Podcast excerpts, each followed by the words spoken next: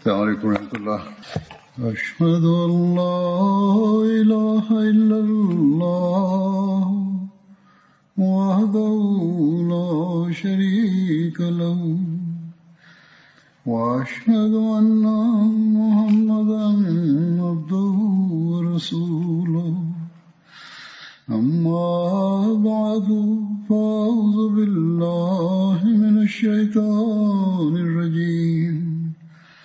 بسم الله الرحمن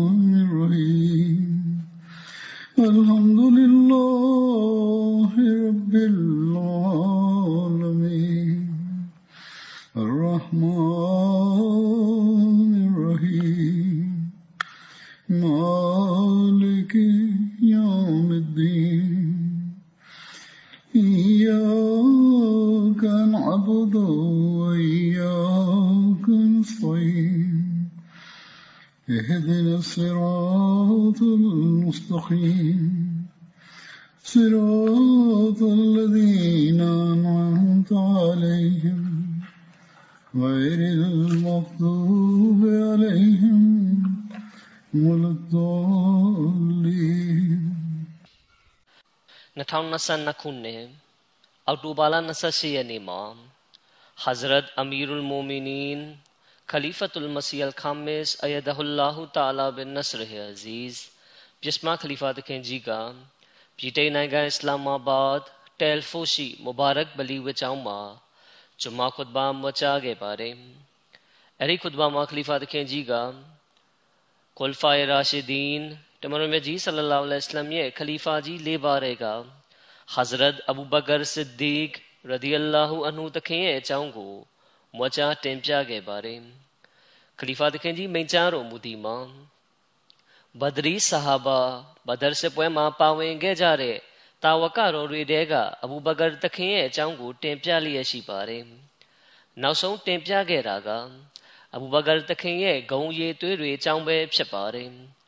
တဲ့တာဝကတော်တွေတဲကအဘူဘကာတခင်ရဲ့အကြောင်းကိုတင်ပြလျက်ရှိပါတယ်နောက်ဆုံးတင်ပြခဲ့တာကအဘူဘကာတခင်ရဲ့ဂုံရည်သွေးတွေအကြောင်းပဲဖြစ်ပါတယ်တမန်တော်မြတ်ဆလ္လာလဟ်အလัยဟိဝါစလမ်ကအဘူဘကာတခင်ပေါ်ဘယ်လိုရှုမြင်ခဲ့တယ်လဲတခင်ပေါ်ဘယ်လိုဂုံပေးဆက်ဆံတော်မူခဲ့တယ်လဲစတဲ့အကြောင်းအရာတွေနဲ့ပတ်သက်ပြီးစင့်ပြန်ချက်တချို့လာရှိပါတယ်အဘူဘကာတခင်ကတခြားတာဝကတော်တွေထက်ထူးမြတ်တာလွန်သောအစဉ်တန်းကိုရရှိခဲ့တဲ့ကံထူးသူပဲဖြစ်ပါတယ်မကာမှာရှိနေစဉ်အချိန်ကတမန်တော်မြတ်ဆလ္လာလဟ်အလัยဟိဝါစလမ်ကအဘူဘကာတခင်ရဲ့အိမ်ကို ပုံမှန်နေ့စဉ်တစ်ချိန်လာရောက်လေးရှိခဲ့ပါတယ်။အမာဘင်အာစ်တခင်ကဆင့်ပြန်ပါတယ်။တမန်တော်မြတ်ဆလ္လာလဟ်အလိုင်းကကျွန်တော်ကိုဇာတုလ်ဆလာစီလ်စပွဲအတွက်စေဦးစီးဖြစ်ခန့်အပ်စေလွတ်ခဲ့ပါတယ်။အဲ့ဒီချိန်မှာကျွန်တော်ကတမန်တော်မြတ်ဆလ္လာလဟ်အလိုင်းထံသို့ခါစားဝင်ရောက်လျက်လူတို့နဲ့ကိုရောဘသူကိုအချစ်ဆုံးပါလဲဆိုပြီးမေးလျှောက်ခဲ့ပါတယ်။တမန်တော်မြတ်ဆလ္လာလဟ်အလိုင်းကအိုင်ရှာလို့ဖြေပါတယ်။ ကျွန်တော်ကအမျိုးသားတွေထဲမှာရောလို့မေးလျှောက်တဲ့အခါကိုရောကသူမရဲ့ဖခင်အဘူဘကာလို့မိန့်ကြားပါတယ်ဒီနောက်ကျွန်တော်ကသူတို့နှစ်ဦးပြီးရင်ရောလို့မေးလျှောက်တဲ့အခါကိုရောကအူမာဘင်ခတာဘ်ဆိုပြီးဖြေပါတယ်ဒီတိုင်းပဲကိုရောကတာဝကတော်တချို့ရဲ့နာမည်ကိုရေရွတ်မိန့်ကြားခဲ့ပါတယ်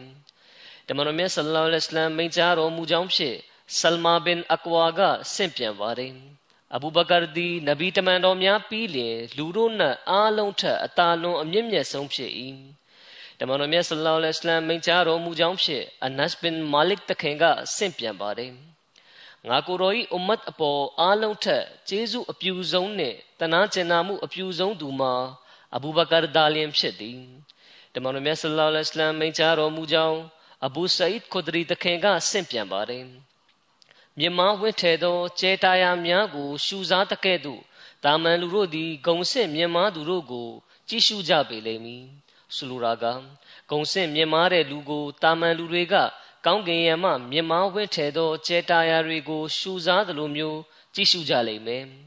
အဘူဘကာနှင့်ဥမာတို့သည် ထိုသူများအနက်မှဖြစ်ကြသည်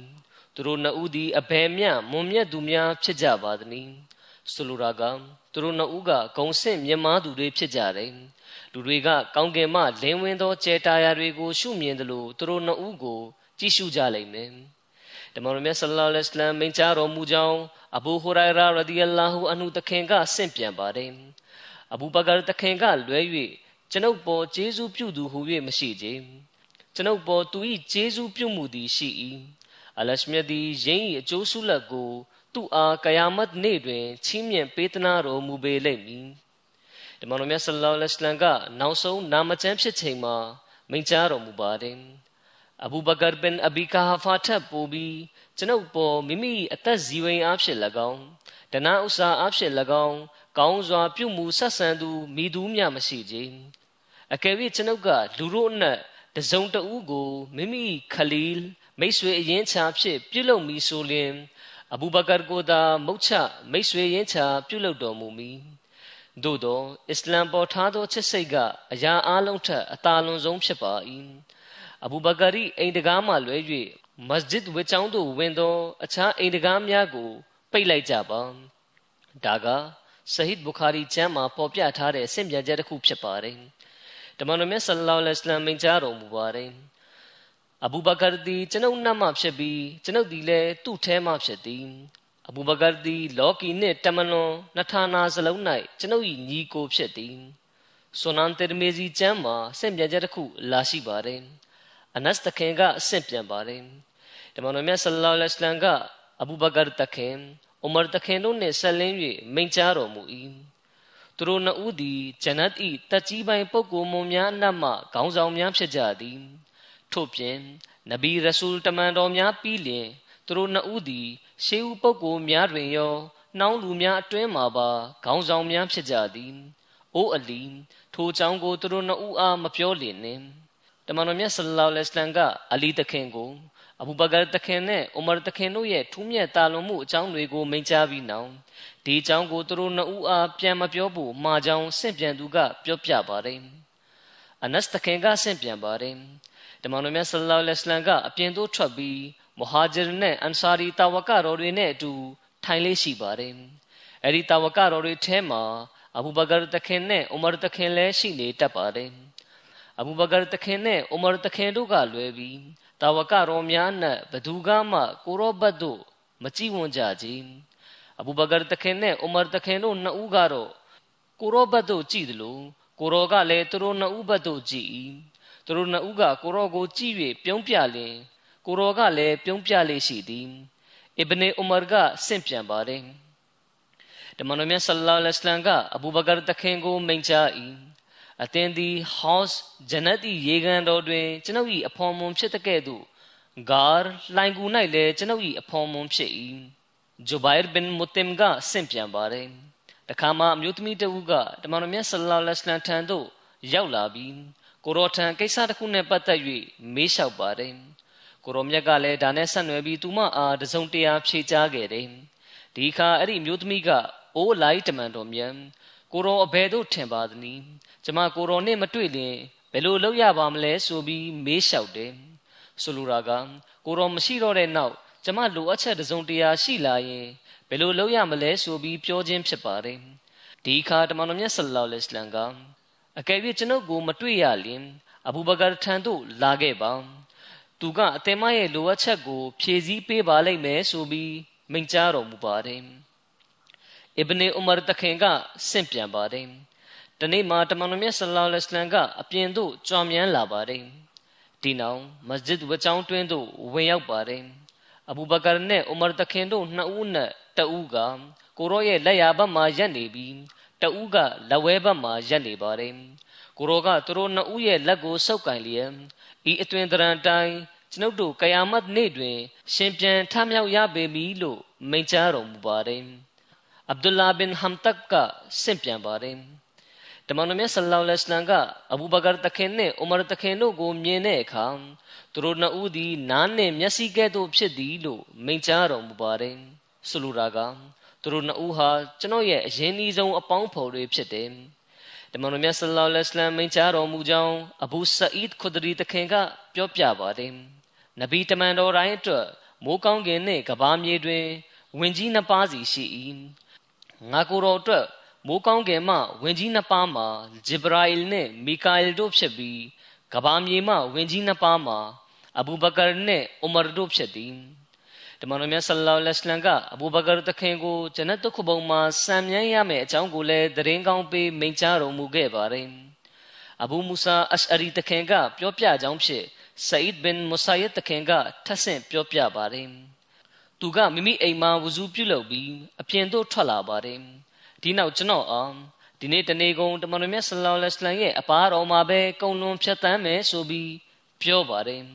ဆိုလိုတာက ဒီနေ့တနေ့လုံးကိုရော့ကိုအလုတ်ကျွေးပြုဖို့ဆွန့်လွတ်ပါမယ်လို့စိတ်ပိုင်းဖြတ်ခဲ့ပါတယ်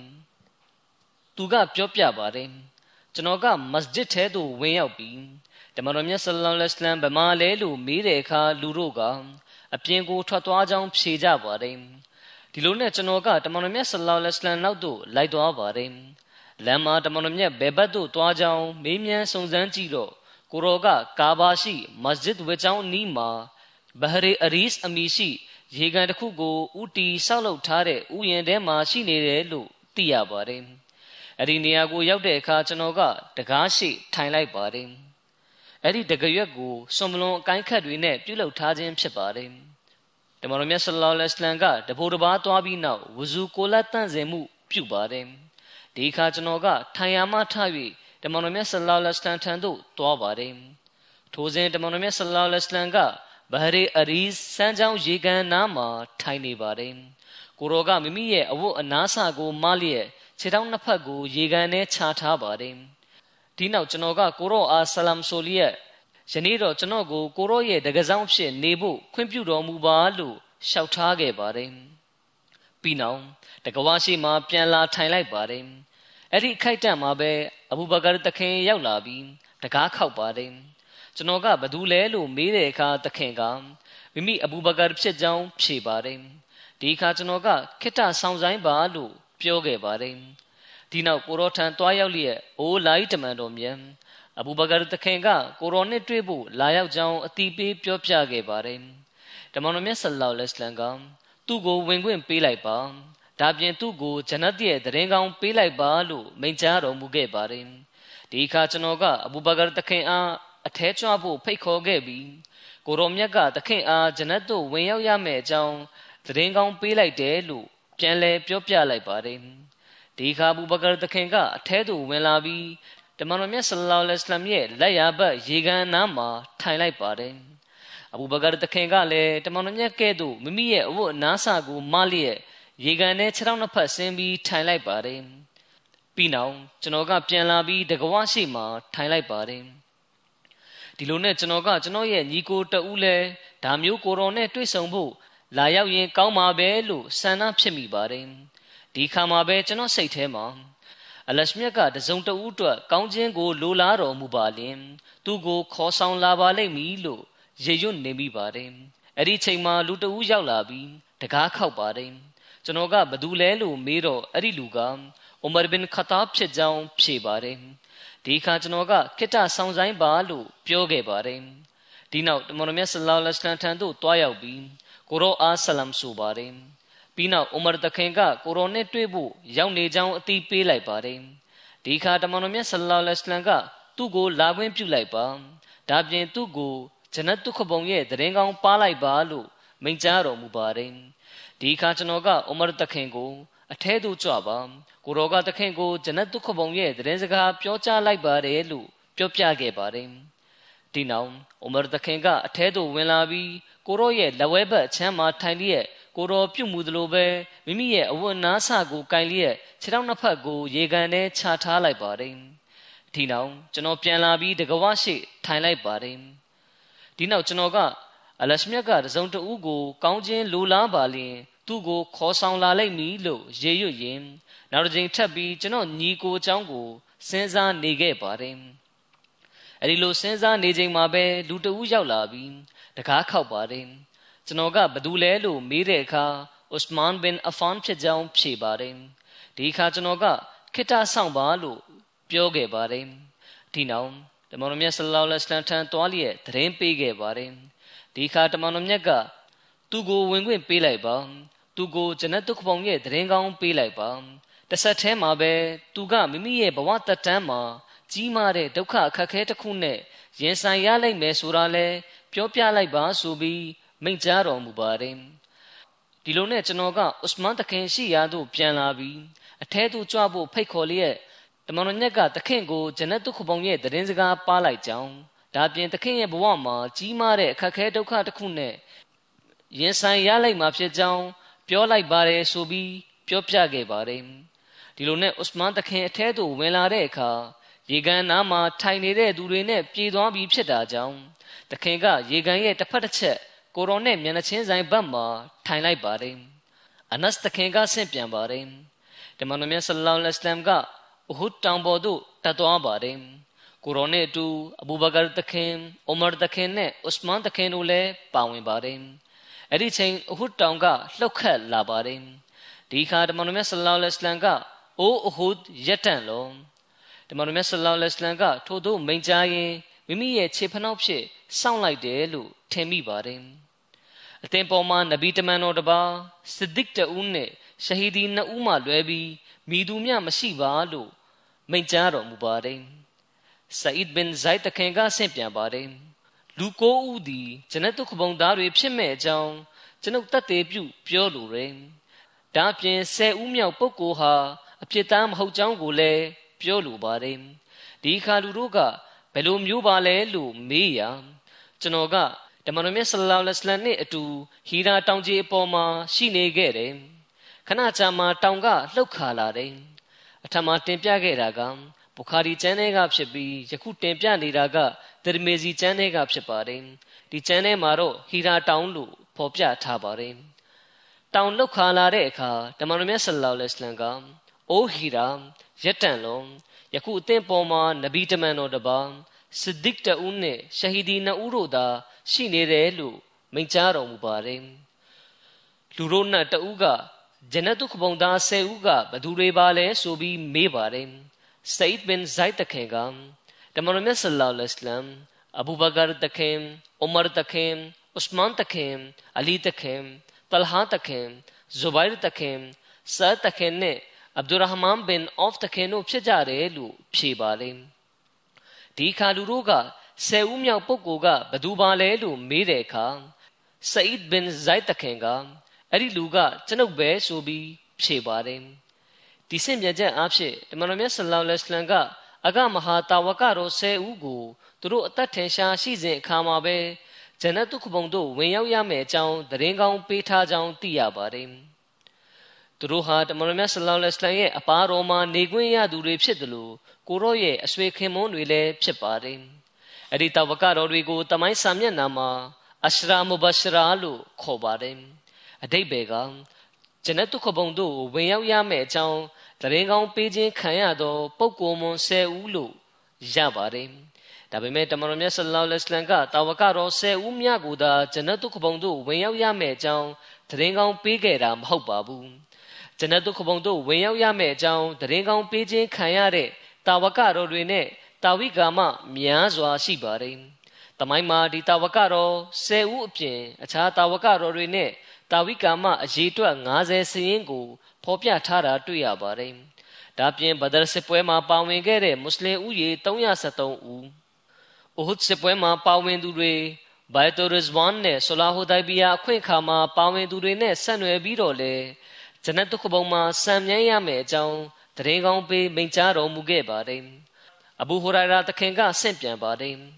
တမန်တော်မြတ်ဆလ္လာလဟ်အလัยဟ်မိန့်ကြားတော်မူပါတယ်အသင်တို့ထဲမှာရိုဇာဥပုပ် စောင့်ထိန်ထားသူဘသူရှိပါသလဲလို့မေးတဲ့အခါအဘူဘကာတခင်ကကျွန်ုပ်ရှိပါတယ်လို့ဖြေပါတယ်ဒီနောက်တမန်တော်မြတ်ဆလ္လာလဟ်အလัยဟ်ကအသင်တို့ထဲမှာဂျနာဇာဇာပနတိုင်းမှာပါဝင်သူဘသူရှိပါသလဲလို့မေးတဲ့အခါအဘူဘကာတခင်ကကျွန်ုပ်ရှိပါတယ်လို့ဖြေပါတယ်ဒီနောက်တမန်တော်မြတ်ဆလ္လာလဟ်အလိုင်းကအသင်တို့ထဲမှာယနေ့နွမ်းပါသူတဦးကိုအစာစာကျွေးမွေးခဲ့သူရှိပါသလားလို့မေးတဲ့အခါ အဘူဘကာတခင်ကကျွန်ုပ်ရှိပါတယ်လို့ဖြေပါတယ်ဒီနောက်တမန်တော်မြတ်ဆလ္လာလဟ်အလိုင်းကအသင်တို့ထဲမှာယနေ့နာမကျမ်းသူတဦးကိုလူမမာသတင်းမေးဖို့တွားရောက်ခဲ့သူရှိပါသလားလို့မေးတဲ့အခါအဘူဘကာတခင်ကကျွန်ုပ်ရှိပါတယ်လို့ဖြေပါတယ်ဒီခါတမန်တော်မြတ်ဆလ္လာလဟ်အလိုင်းကလူတဦးထံမှာဒီကောင်းခြင်းအလုံးစုံစူးစီးတည်ရှိနေပြီဆိုရင်သူဟာဂျနတ်တုခဘုံတဲဝင်ရောက်ရပြီဖြစ်တယ်လို့မိန့်ကြားတော်မူပါတယ်။ ဒါကဆဟီမွတ်စလင်ကျမ်းမှာဖော်ပြထားတဲ့ဆင့်ပြန်ချက်ဖြစ်ပါတယ်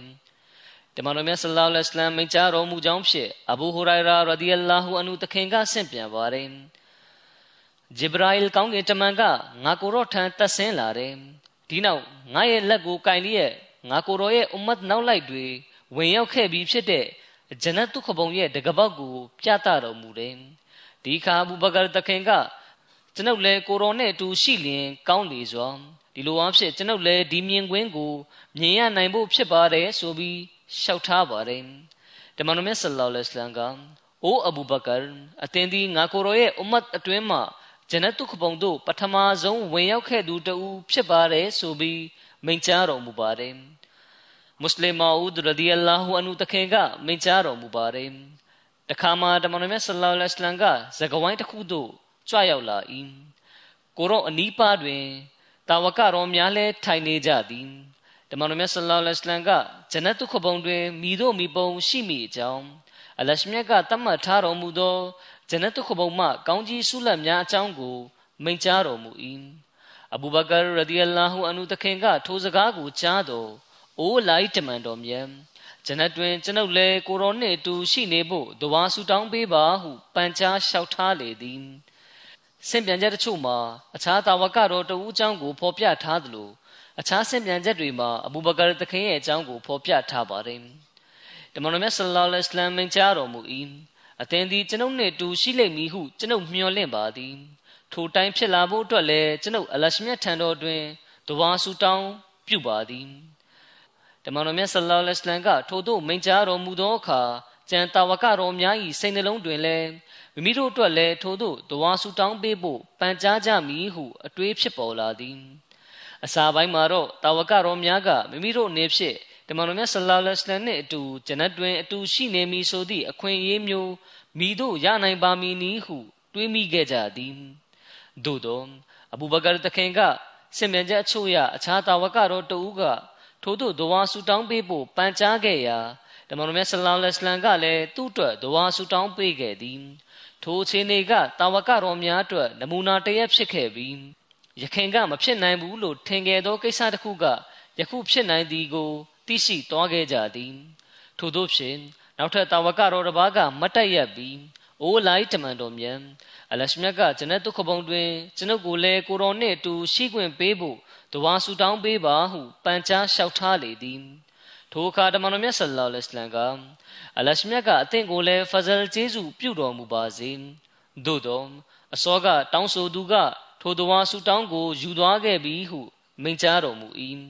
မွတ်စလင်မာဦးရဒီအလာဟူအန်ဟူတခင်ကမိန့်ကြားတော်မူပါတယ်တခါတွင်တမန်တော်မြတ်ဆလ္လာလဟ်အလัยဟ်ကအချင်းသူသည်အဘာဒတ်တစ်ခုတွင် အထူးတလဲအားပြုလှုပ်ဆောင်ပြီးဆိုလျင်ထိုသူသည်ဂျနတ်၏မိသည့်တကပောက်မှဝင်ရောက်ရမည်အချင်းသူသည်မိသည့်အဘာဒတ် ကောင်းမှုတွင် အထူးတလဲအားပြုလှုပ်ဆောင်ပြီးဆိုလျင်မိသည့်တကပောက်ကဝင်ရောက်ရမည်ဖြစ်ကြောင်းမိန့်ကြားတော်မူ၏ထို့သောဖြင့်တမန်တော်မြတ်ဆလောလ္လဟ်အလိုင်းကအဘာဒတ်အမျိုးမျိုးအကြောင်းပြောပြလျက်ဂျနတ်၏တကပောက်ခုနှစ်ခုရှိပြီးဘသူမဆိုကောင်းမြတ်သောကြင်ကြံမှုတစ်မျိုးမျိုးကိုအထူးတလဲအားပြုလှုပ်ဆောင်သည်ဆိုလျင်ထိုသူသည်ထိုဂျနတ်ဒုက္ခဘုံများမှဝင်ရောက်ခွင့်ရပေမည်ဟုမိန့်ကြားတော်မူသည်ထိုစကဝိုင်းတွင်အဘူဘကာသခင်လည်းထိုင်လျက်ရှိသည် သခင်ကအိုးလိုက်တမန်တော်မြတ်ကောင်းမှုအမျိုးမျိုးထမ်းဆောင်ခြင်းဖြင့်လူသားကထိုကောင်းမှုနှင့်သက်ဆိုင်သောတကပောက်များမှဂျနတ်ဒုက္ခဘုံသို့ဝင်ရောက်ရမည်သို့သောထိုအီဘာဒတ်အားလုံး၌အထူးတလဲလှုပ်ဆောင်သူကိုအရှင်မြတ်ကမိတို့ပြုမှုဆက်ဆံပါမည်နီကိုတော်ဟုမေးလျှောက်၏ထိုအခါတမန်တော်မြတ်ဆလ္လာလဟ်အလัยဟ်ကထိုသူသည်ဂျနတ်၏တကပောက်ခုနှစ်ခုစလုံးမှဝင်ရောက်ခွင့်ရပေမည်။ အိုအဘူဘကာအသင်သည် ထိုသူတို့အနက်မှဖြစ်လိမ့်မည်ကို ကျွန်ုပ်မျှော်လင့်ပါသည်ဟုမိန့်ကြားတော်မူ၏။ယခုကျွန်ုပ်အနေနဲ့ကွယ်လွန်သူတချို့နဲ့ပတ်သက်တဲ့အကြောင်းတွေကိုတင်ပြလိုပါတယ်။ဂျမာနမတ်ပြုပြီးတဲ့နောက်မှာသူတို့အတွက်ဂျနာဇာဂိုင်ဘ်နမတ်ကိုလည်းဝတ်ပြုပါမယ်။ကွယ်လွန်သူပထမပုဂ္ဂိုလ်ကအဗ်ဒุลဘာစစ်ဆာဟစ်ဖြစ်ပါတယ်။သူကအင်ဒိုနီးရှားနိုင်ငံလုံးဆိုင်ရာအမီးဖြစ်ပါတယ်။အော်တိုဘာလ10ရက် 2022ခုနှစ်မှာကွယ်လွန်သွားပါတယ်။ကွယ်လွန်ချိန်မှာအသက်82နှစ်ရှိပါပြီ။အင်နာလ illah ဝအင်နာအီလိုင်ဟီရာဂျီအွန်သူကဆူမာတရာမှမော်လ်ဗီအဗ်ဒุลဝါဟစ်ဆာဟစ်ရဲ့တာတော်မောင်ဖြစ်ပါတယ်။အထက်တန်းပညာသင်ယူပြီးနောက်အသက်22နှစ်အရွယ်1982ခုနှစ်မှာရဘွာမြို့ရှိဂျာမီယာမဒီယာတာသနာတက္ကသိုလ်မှာတက်ရောက်ပညာသင်ယူခဲ့ပါတယ်1982ခုနှစ်အစပိုင်းမှာဂျာမီယာရဘွာမှာ အောင်မြင်ခဲ့ပြီးဘွဲရရှိခဲ့ပါတယ်အဲ့ဒီနှစ်1982ခုနှစ်မှာပဲမိုဘလစ်သာသနာပြုဖြစ်မိမိရဲ့မွေးရမြေအင်ဒိုနီးရှားနိုင်ငံသို့ပြန်သွားခဲ့ပါတယ်1988ခုနှစ်မှာအင်ဒိုနီးရှားနိုင်ငံလုံးဆိုင်ရာအမီးအဖြစ်ရွေးချယ်တင်မြှောက်ခြင်းခံရပါတယ်အင်ဒိုနီးရှားနိုင်ငံသားတဦးကိုထိုင်းနိုင်ငံမှာတဘလစ်သာသနာပြုဖို့အတွက်မလေးရှားနိုင်ငံသားဖြစ်ခံယူပြီးဆေလွတ်ဖို့စီမံခဲ့ပါတယ်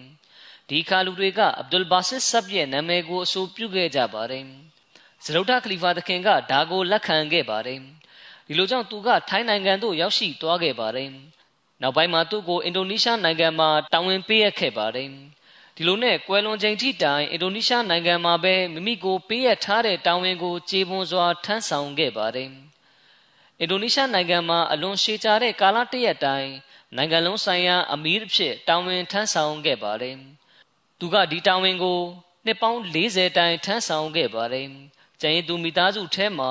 ဇနီးသမီးသုံးနဲ့သားနှစ်ဦးတို့ရှိပါတယ်အဗ်ဒุลဘာစစ်ဆပ်ရဲ့ဇနီးကရေးပါတယ်ကွယ်လွန်သူဟာဂျမတ်အတွက်အလွန်တောကရှိသူဖြစ်ပြီးဂျမတ်ကိုဘယ်ကိစ္စဘယ်အရာထက်မဆိုဦးစားပေးသူဖြစ်ပါတယ်သူ့ရဲ့ဇနီးတဲ့အနေနဲ့ပြောပြရရင် သူ့ရဲ့ဂျမတ်ပေါ်ထားရှိတဲ့ဆရာထက်သန်မှုနဲ့အလုတ်ကျွေးပြုမှုကိုသတိပြုမိပါတယ်အဗ်ဒุลဘာစစ်ဆပ်ရဲ့တူတော်မောင်ကရေးပါတယ်ကွယ်လွန်သူဟာဗဟိုဌာနချုပ်ကလာတဲ့လမ်းညွန်ချက်တွေကိုတဖန်ပြန်ပြီးမိမိနိုင်ငံမှာအပြည့်အဝလမ်းညွန်မှုပြုသူဖြစ်ပါတယ်။တခါမှအဗ်ဒุลဘာစစ်ဆပ်ကမိသားစုနဲ့တွေ့ဖို့အတွက်မလေးရှားနိုင်ငံကိုတွားဖို့စီစဉ်ထားကြောင်းဒီအတွက်လက်မှတ်လဲဝယ်ထားပြီးဖြစ်ကြောင်းကျွန်တော်ကိုပြောပြပါတယ်။ ဒီလိုနဲ့သတင်းပတ်တစ်ပတ်ခန့်ကြာပြီးနောက်အဗ်ဒุลဘာစစ်ဆပ်နဲ့တွေ့တဲ့အခါကျွန်တော်ကမလေးရှားသွားမယ်ဆိုပြီးဘာကြောင့်မသွားတာလဲလို့မေးတော့သူကဗဟိုဌာနချုပ်ကလာတဲ့စာမှာမလေးရှားသွားဖို့ခွင့်ပြုချက်မပေးထားဘူးဒါကြောင့်မလေးရှားသွားမယ့်အစီအစဉ်ကိုဖျက်လိုက်ပြီလို့ပြန်ဖြေပါတယ်မလေးရှားသွားမယ့်လေရင်လက်မှတ်ကိုတောင်လုံးဝဂရုမစိုက်ခဲ့ပါဘူး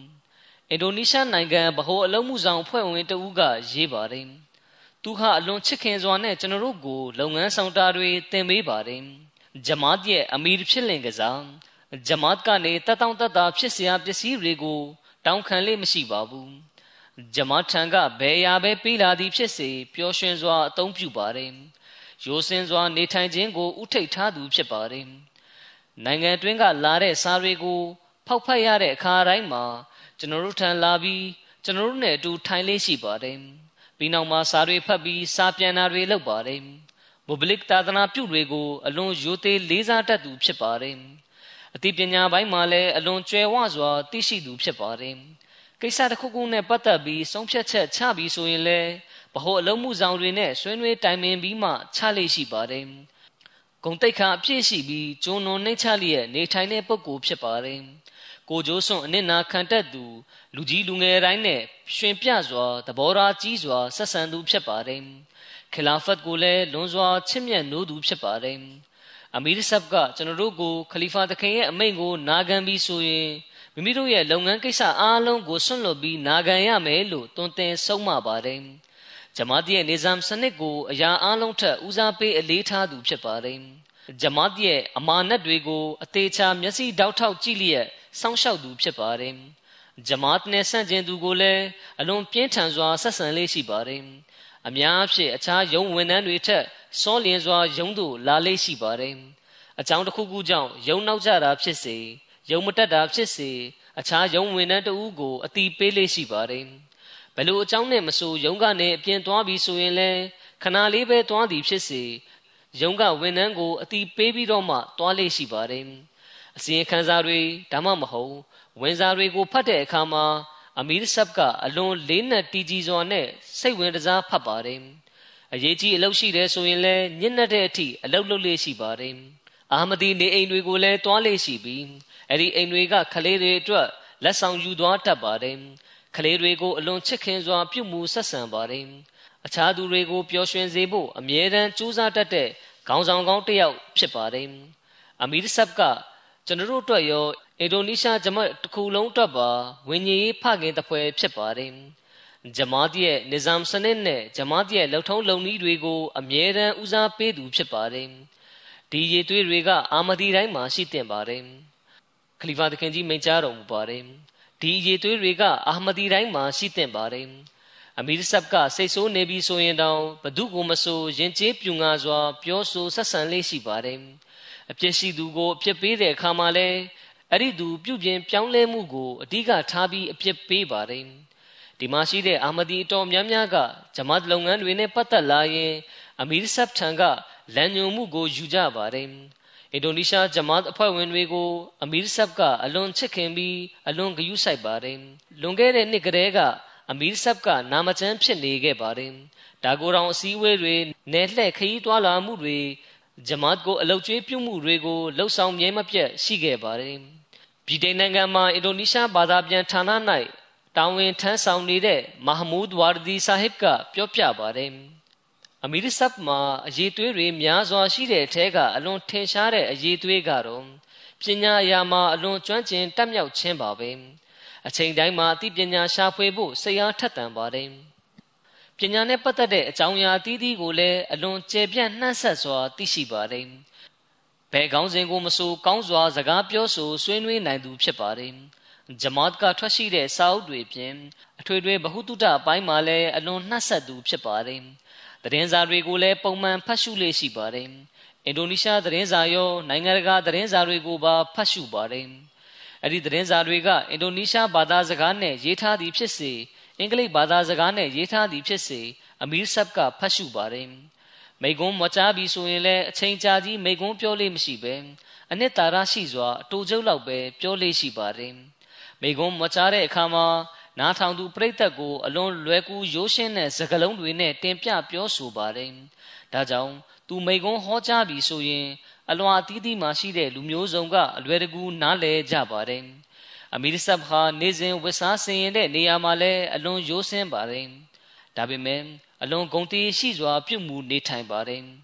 ဟန်ဆောင်ခြင်းကင်းတဲ့ပုဂ္ဂိုလ်ဖြစ်ပါတယ်ဒါကြောင့်ပဲလူရန်စားအလွန်အသီးသီးကလူတွေက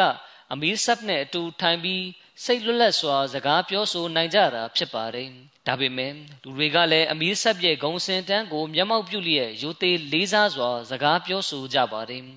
အင်ဒိုနီးရှားဂျာမီယာတက္ကသိုလ်ကဆရာလည်းဖြစ် မော်ရဘီလည်းဖြစ်တဲ့ဖဇလ်အူမာဖာရုဆာဟစ်ကရေးပါတယ်ကျွန်တော်ငယ်စဉ်ကပင်အမီးဆပ်နဲ့အနီးကပ်နေထိုင်ခွင့်ရခဲ့ပါတယ်အဲ့ဒီတုန်းကအင်ဒိုနီးရှားနိုင်ငံကအလွန်ခက်ခဲတဲ့အချိန်ကာလကိုဖျက်ဆီးနေရခြင်းဖြစ်ပါတယ်အဲ့ဒီခက်ခဲတွေကိုကြံ့ကြံ့ခံလျက်အမီရ်ဆပ်ကဂျမတ်ဖွဲ့ဝင်တွေကိုအကောင်းဆုံးပြောဆိုဆက်ဆံလျက်အားပေးစကားပြောပါတယ်။ဒါပြင်ဒဝါဆူတောင်းမှုမှာအားဆိုင်ဖို့တွန်းတင်ပါတယ်။ အမီရ်ဆပ်ကိုယ်တိုင်လည်းဒဝါဆူတောင်းပြီးအလွန်နှိမ့်ချကျွန်းလွန်လျက်စောက်တရားမယဖြစ်စွာဒဝါဆူတောင်းပါတယ်။နမတ်ပြုဖို့အချိန်မီမစဂျစ်သို့လာရောက်လေ့ရှိပါတယ်။ဝက်ဖေဇင်ဒဂီတွေကိုအလွန်ကျင်နာပြီးဂယုစိုက်ပါတယ်။လက်တွေ့ကွင်းဆင်းရမယ်မော်ရဘီတွေကိုလည်းသူတို့ခရီးမထွက်မီလက်ဆောင်တစ်ခုခုပေးတတ်ပါတယ်အင်ဒိုနီးရှားဂျာမီယာတက္ကသိုလ်မှဆရာတဦးဖြစ်သူဆိုက်ဖူလာမူဘာရက်ဆာဟစ်ကရေးပါတယ် မောလာနာအဗ်ဒุลဘာစစ်ဆာဟစ်ကဝက်ဖေဇင်ဒဂီတွေအတွက်အလွန်အဆင့်မြင့်မားတဲ့စံပြပုဂ္ဂိုလ်ဖြစ်ပါတယ်ဂျမားတီရဲ့အစီအစဉ်တိုင်းမှာအမြဲပါဝင်လေးရှိသူဖြစ်ပါတယ်လူတိုင်းလူတိုင်းကိုချစ်ခင်လေးစားပြီးဂုဏ်ပေးလေးစားကာစကားပြောဆိုလေးရှိပါတယ်ဘယ်စကားဝိုင်းမဆိုဘယ်အစည်းအဝေးပွဲမဆိုအမီရဆပ်တွားရောက်ပြီးဆိုရင်ကြည်နူးချမ်းမြေ့မှုတွေနဲ့လင်းထိန်တောက်ပတွားတတ်ပါတယ်အမြဲတမ်းပြုံးရွှင်စွာနေထိုင်တတ်သူဖြစ်ပါတယ် ဂျာမီယာတက္ကသိုလ်ကို လာရောက်ပြီးဆိုရင်မဂရစ်နမတ်ဝပြုလျင်ကျွန်တော်တို့နဲ့အတူထိုင်ပြီးစကားပြောလေးရှိပြီးကျွန်တော်တို့ရဲ့အခြေအနေတွေကို မေးမြန်းပါတယ်မော်ရဘီတဦးဖြစ်သူနူရဒင်ဆာဟစ်ကရေးပါတယ်စံနမူနာကောင်းတွေကို ပြသတတ်တဲ့အမီးတဦးဖြစ်ပါတယ်2018ခုနှစ်မှာကျွန်တော်တို့မြို့မှာတည်ဆောက်တဲ့မစဂျစ်ဝေချောင်းကိုအုံမြင့်ချစဉ်ကျွန်တော်တို့ထံမှာအင်ဒိုနီးရှားငွေ6ကလေးပဲရှိပါတယ် အင်ဒိုနီးရှားနိုင်ငံမှာငွေကြေးဖောင်းပွားမှုကြောင့်တစုံတရာအသုံးပြုပြီးဆိုရင်ဂရေနဲ့ချီပြီးငွေကြေးကိုတုံးရပါတယ်မစဂျစ်ဝေချောင်းတည်ဆောက်ဖို့အင်ဒိုနီးရှားငွေ1.5ဘီလီယံအထိလိုအပ်နေပါတယ်ဒီလိုကြောင့်မစဂျစ်တည်ဆောက်ဖို့စုဆောင်းထားတဲ့ဘတ်ဂျက်ငွေဘယ်လောက်ပဲဖြစ်စေအဲ့ဒီငွေနဲ့စတင်တိဆောက်ပါအဲ့ဒီနောက်အလရှမြတ်ကဘယ်လိုကူညီတယ်လဲဆိုတာကြည့်ကြမယ်ဆိုပြီးအမီရ်ဆပ်ကမှားချပါတယ် ဒီလိုမှားချပြီးနောက်အမီရ်ဆပ်ကသူ့အိတ်ထဲကငွေနဲ့မစဂျစ်တိဆောက်ရေးအတွက်အလူဒါနပြုပါတယ်အမီရ်ဆပ်ရဲ့လူရန်မှုကိုကြည့်ပြီးဂျမတ်ဖွဲ့ဝင်တွေကလည်းရှေးတိုးလန်းပြီးငွေကြေးလူဒန်းလာကြပါတယ်ဒီလိုနဲ့အစာပိုင်းမှာ400ခိုင်နှုန်းလောက်ပဲတိဆောက်ရသေးတဲ့မစဂျစ်က80ရာခိုင်နှုန်းထိတိဆောက်ပြီးစီးသွားခဲ့ပါတယ်ဒီနောက်မှာစီးပွားရေးအခြေအနေကျဆင်းတဲ့အချိန်ရောက်လာပြီးလူတွေမှာလည်းဝင်ငွေနှဲပါလာတာကြောင့် မစဂျစ်တိဆောက်ရေးလုပ်ငန်းကလည်းရပ်တန့်သွားခဲ့ပါတယ်ဒီခါကျွန်တော်တို့ကအမီးဆပ်ထံမစဂျစ်ဝကြောင်တိဆောက်ဖို့15ကလေးလိုအပ်နေသေးကြောင်းဒါကြောင့်ဗဟုဌာနချုပ်ကနေကျွန်တော်တို့ကိုကူညီပေးရင်ကောင်းမှာဖြစ်ကြောင်းတင်ပြပါတယ်အမီးဆပ်ကဗဟိုဌာနချုပ်ကကူညီဖို့မလိုဘူးလိုအပ်တဲ့ငွေကိုဘသူစီကားမှတောင်းစရာမလိုပဲပြည့်စုံအောင်ဖြည့်ဆည်းနိုင်တယ်ဆိုပြီးပြောပါတယ်အမီဆပ်က ခမရတို့မြို့မှာအာမဒီဥယေဘယ်လောက်ရှိသလဲလို့မေးတဲ့အခါကျွန်တော်ကဒူယေ60 80လောက်ရှိမယ်လို့ပြောပြပါတယ်အမီဆပ်ကဒါဆိုရင်တဦးချင်းထံက10သန်းစီကောက်ခံပါဒါဆိုရင်ခမရတို့လိုအပ်တဲ့ငွေပြည်သွားနိုင်တယ်လို့ပြောပါတယ်အင်ဒိုနီးရှားငွေ10သန်းကစတာလင်ပေါင်100နဲ့ညီမျှပါတယ်အစာပိုင်းမှာတော့ကျွန်တော်တို့ကအာမဒီတဦးလျင်10တန်းစီကောက်ခံရုံနဲ့လိုအပ်တဲ့ငွေ ပြေးသွားမယ်ဆိုတာကိုမယုံကြပါဘူးဒါပေမဲ့အမီးဆက်ပြောတဲ့အတိုင်းလုပ်တဲ့အခါမှာတော့အာမဒီတွေကလည်းမစဂျစ်တိဆောက်ဖို့အတွက်အလူငွေတွေကိုထည့်ဝင်ကြပါတယ်ဒါပြင်အမီးဆက်ကိုယ်တိုင်ကလည်း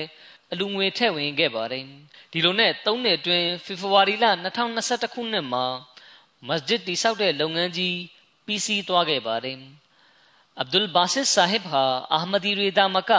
အာမဒီမဟုတ်သူတွေနဲ့လည်းကောင်းမွန်တဲ့ဆက်နွယ်မှုရှိပါတယ်။ အင်ဒိုနီးရှားသာသနာရေးဝန်ကြီးဟောင်းဖြစ်သူကရေးပါတယ်။ကွယ်လွန်သူဟာအင်ဒိုနီးရှားနိုင်ငံလုံးဆိုင်ရာအဆင့်နဲ့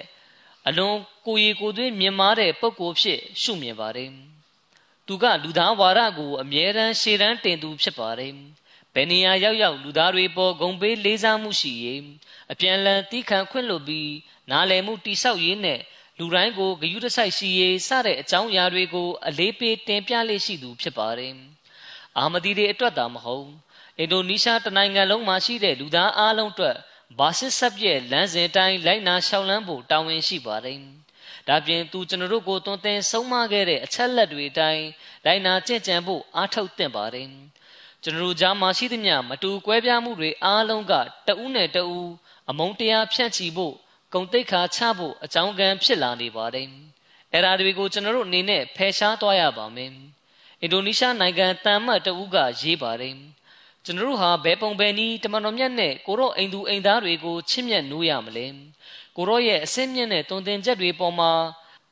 ဘယ်လိုလိုက်နာခြင်းသုံးရမလဲဆိုတာကိုအမီရ်ဆတ်ထံကနေသင်ယူခွင့်ရရှိခဲ့ပါတယ်။အာမဒီရီဟာမတရားဖိနှိပ်ညှဉ်းပန်းမှုကိုခံရတယ်။စေရီတိုင်းထွာခြင်းကိုခံရတယ်။အဲ့ဒီချိန်ကာလကိုအမီရ်ဆပ်ကကြက်ကြက်ခံလျက်ဖြတ်သန်းခဲ့ပါတယ်။ ဒါပြင်အာမဒီတွေကိုလည်းအလွန်ကောင်းမွန်တဲ့နီလန်းနဲ့ထိမ့်သိမ်းစောင့်ရှောက်ခဲ့ပါတယ်။ဒါတွေမကအာမဒီတွေဟာမတရားသဖြင့်ပြုမှုဆက်ဆံခြင်းကိုခံရသည့်တိုင်အမီရ်ဆပ်ကကျွန်တော်တို့ကိုဘယ်လိုအခြေအနေမျိုးမှာဖြစ်ဖြစ်သာသနာနိုင်ငံနဲ့လူသားတို့တရလုံးအတွက်ဖြူစင်သစ္စာရှိစွာအကျိုးဆောင်ရမယ်ဆိုတဲ့သင်ခန်းစာကိုပေးခဲ့ပါတယ်။အကြောင်းကတော့ကဘာတဝန်းမှာရှိတဲ့အာမဒီတွေအားလုံးရဲ့ဆောင်ပုဒ်က အားလုံးပေါ်မြစ်တာထားမိသူကိုမြအမုံမပွားဆိုတာကြောင့်ပါပဲအမီးဆာဟစ်ဟာအလရှမြတ်ရဲ့အချစ်တော်တဦးဖြစ်ပြီးပညာရှင်တစုငြိမ်းချမ်းရေးဖော်ဆောင်သူနဲ့မြင်မာတဲ့ကိုကျင်တရားအရေးသွေးတွေကိုပိုင်ဆိုင်ထားသူဖြစ်ကြောင်းကျွန်တော်သက်သေခံပါတယ်အင်ဒိုနီးရှားနိုင်ငံလုံးဆိုင်ရာအစည်းအရုံးကြီးတစ်ခုရဲ့ခေါင်းဆောင်နီရာရှရီဖူဒင်းဆာဟီဘာဆိုတဲ့အမျိုးသမီးကရေးပါတယ် အမီးဆာဟစ်စကားပြောတဲ့အတွင်ကအလွန်နှဆိုင်စွာတက်ရောက်မှုရှိပါတယ်။နူးညံ့တိမ်မွေ့ပြီးရိုသေတမှုနဲ့စကားပြောတတ်သည့်တိုင်သူ့စကားတွေထဲမှာအမိနိုင်ငံကိုချစ်မြတ်နိုးခြင်းဆိုင်ရာစိတ်အားပြင်းပြမှုကိုမြင်ရပါတယ်။တနည်းအားဖြင့်သူ့ရဲ့စကားတွေကိုကြည့်ပြီးအားလုံးပေါ်မြစ်တာထားမိသူကိုမြအမုံမပွားဆိုတဲ့ဆောင်ပုဒ်ကပေါ်လွင်ထင်ရှားနေကြောင်းမြင်ရပါတယ်။ကွယ်လွန်သူဟာမုံမြတ်တဲ့ပုဂ္ဂိုလ်တဦးဖြစ်ကြောင်းကျွန်မသက်သေခံပါတယ်။ လူတိုင်းနဲ့ချစ်ခင်စွာစကားပြောဆိုတတ်တဲ့ခေါင်းဆောင်ကောင်းတစ်ယောက်လည်းဖြစ်ပါတယ်။အမေရိကန်နိုင်ငံမှာတာဝန်ထမ်းဆောင်နေတဲ့မော်ရဘီတဦးကရေးပါတယ်။ပဘာစစ်ဆပ်နဲ့ကျွန်တော်နဲ့ကဂျာမီယာရဘွာမာတုံးက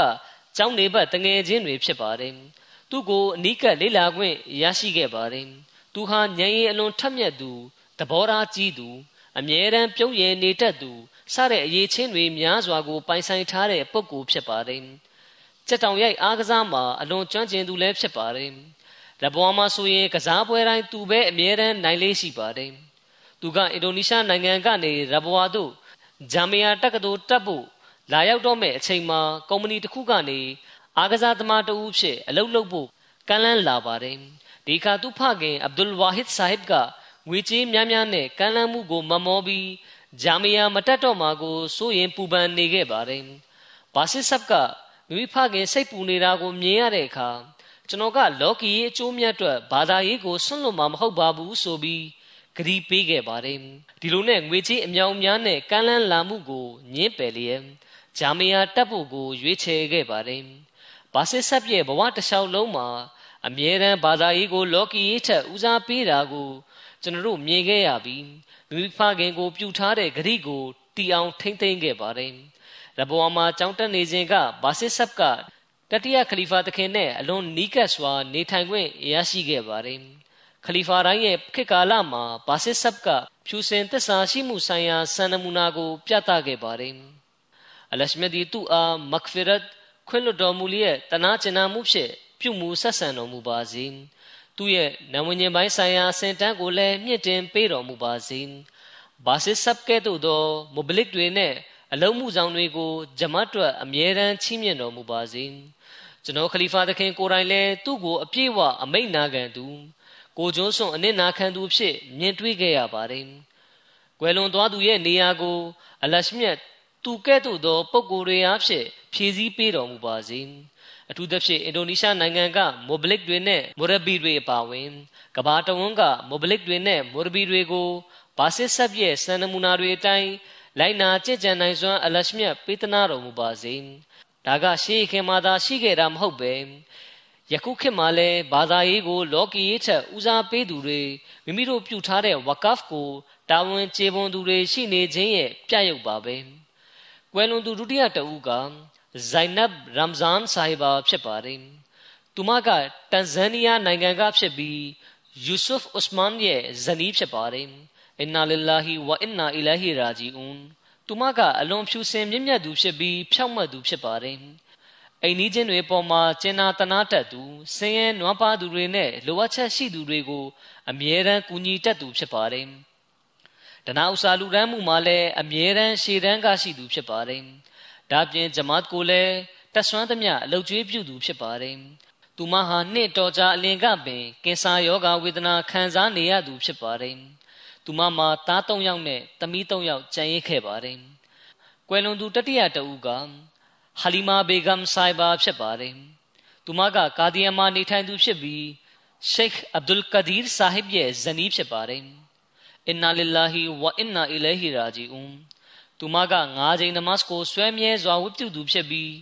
ပုံမှန်နဖီလ်ရိုဇာစောင့်ထိန်သူလည်းဖြစ်ပါတယ်။သူမကတီးခံမြဲမြံသူဖြစ်ပြီး အလွန်မွန်မြတ်တဲ့ကိုကျင်တရားအရေးသွေးတွေကိုပိုင်ဆိုင်ထားသူဖြစ်ပါတယ်။မကြမ်းမမာဖြစ်နေတာတောင်တတ်နိုင်သမျှကာဒီယန်ကခလေးတွေကိုချမ်းမြတ်ကုရ်အန်သင်ကြားပေးပါတယ်။လွန်စွာအဲဝတ်ကျေပွန်သူဖြစ်ပြီးခလာဖတ်ကိုအလွန်နာခံသမှုပြုသူဖြစ်ပါတယ်။သူမမှာတမီး၃ယောက်နဲ့သားတစ်ယောက်ကြံရစ်ခဲ့ပါတယ်။ကွယ်လွန်သူစရုပ်ထတဦးက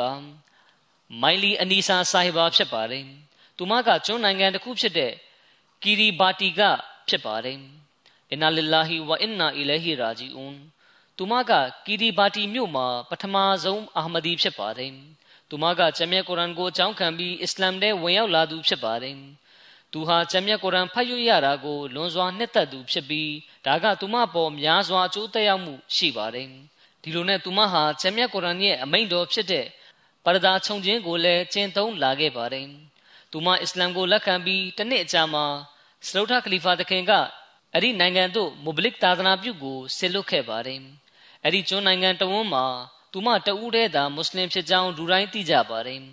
အာမဒီသာသနာပြုရောက်ရှိလာပြီးနောက်သူမကအာမဒီယတ်ကိုလက်ခံခဲ့ပြီးအဲ့ဒီကနေစလို့အစ္စလာမ်ကိုအလုတ်ကျွေးပြုခဲ့ပါတယ်သူမရဲ့အီမန်ယုံကြည်မှုကအလွန်ခိုင်မြဲပြီးသူမမွတ်စလင်ဖြစ်လာခြင်းကပင်လူတွေအတွက်တတဘလစ်တစ်ခုဖြစ်လာခဲ့ပါတယ်လူတွေကသူမွတ်စလင်ဖြစ်နေတာကိုမနှိမ့်ညွတ်ကြပါဘူးဒီအတွက်သူမပေါ်ချိန်စာပို့ခြင်း ဆဲရေးခြင်းတွေပြုလုပ်ကြပါတယ်ဒါပေမဲ့သူမကဘယ်တော့မှရိမ့်ရိုင်မသွားဘဲခိုင်မာမြဲမြံစွာအစ္စလာမ်အာမဒီယတ်ပေါ်မှာယက်တည်နေခဲ့ပါတယ်ယနေ့ခေတ်နေရာတကာမှာအစ္စလာမ်ကိုအစိုးသာမြင်ကြပြီးသူမကအစ္စလာမ်ပေါ်မှာခိုင်မာစွာယက်တည်လျက်လူတွေရဲ့အစ္စလာမ်ပေါ်အစိုးမြင်မှုကိုတသက်အထောက်ထားတွေနဲ့ခြေဖြတ်ပါတယ်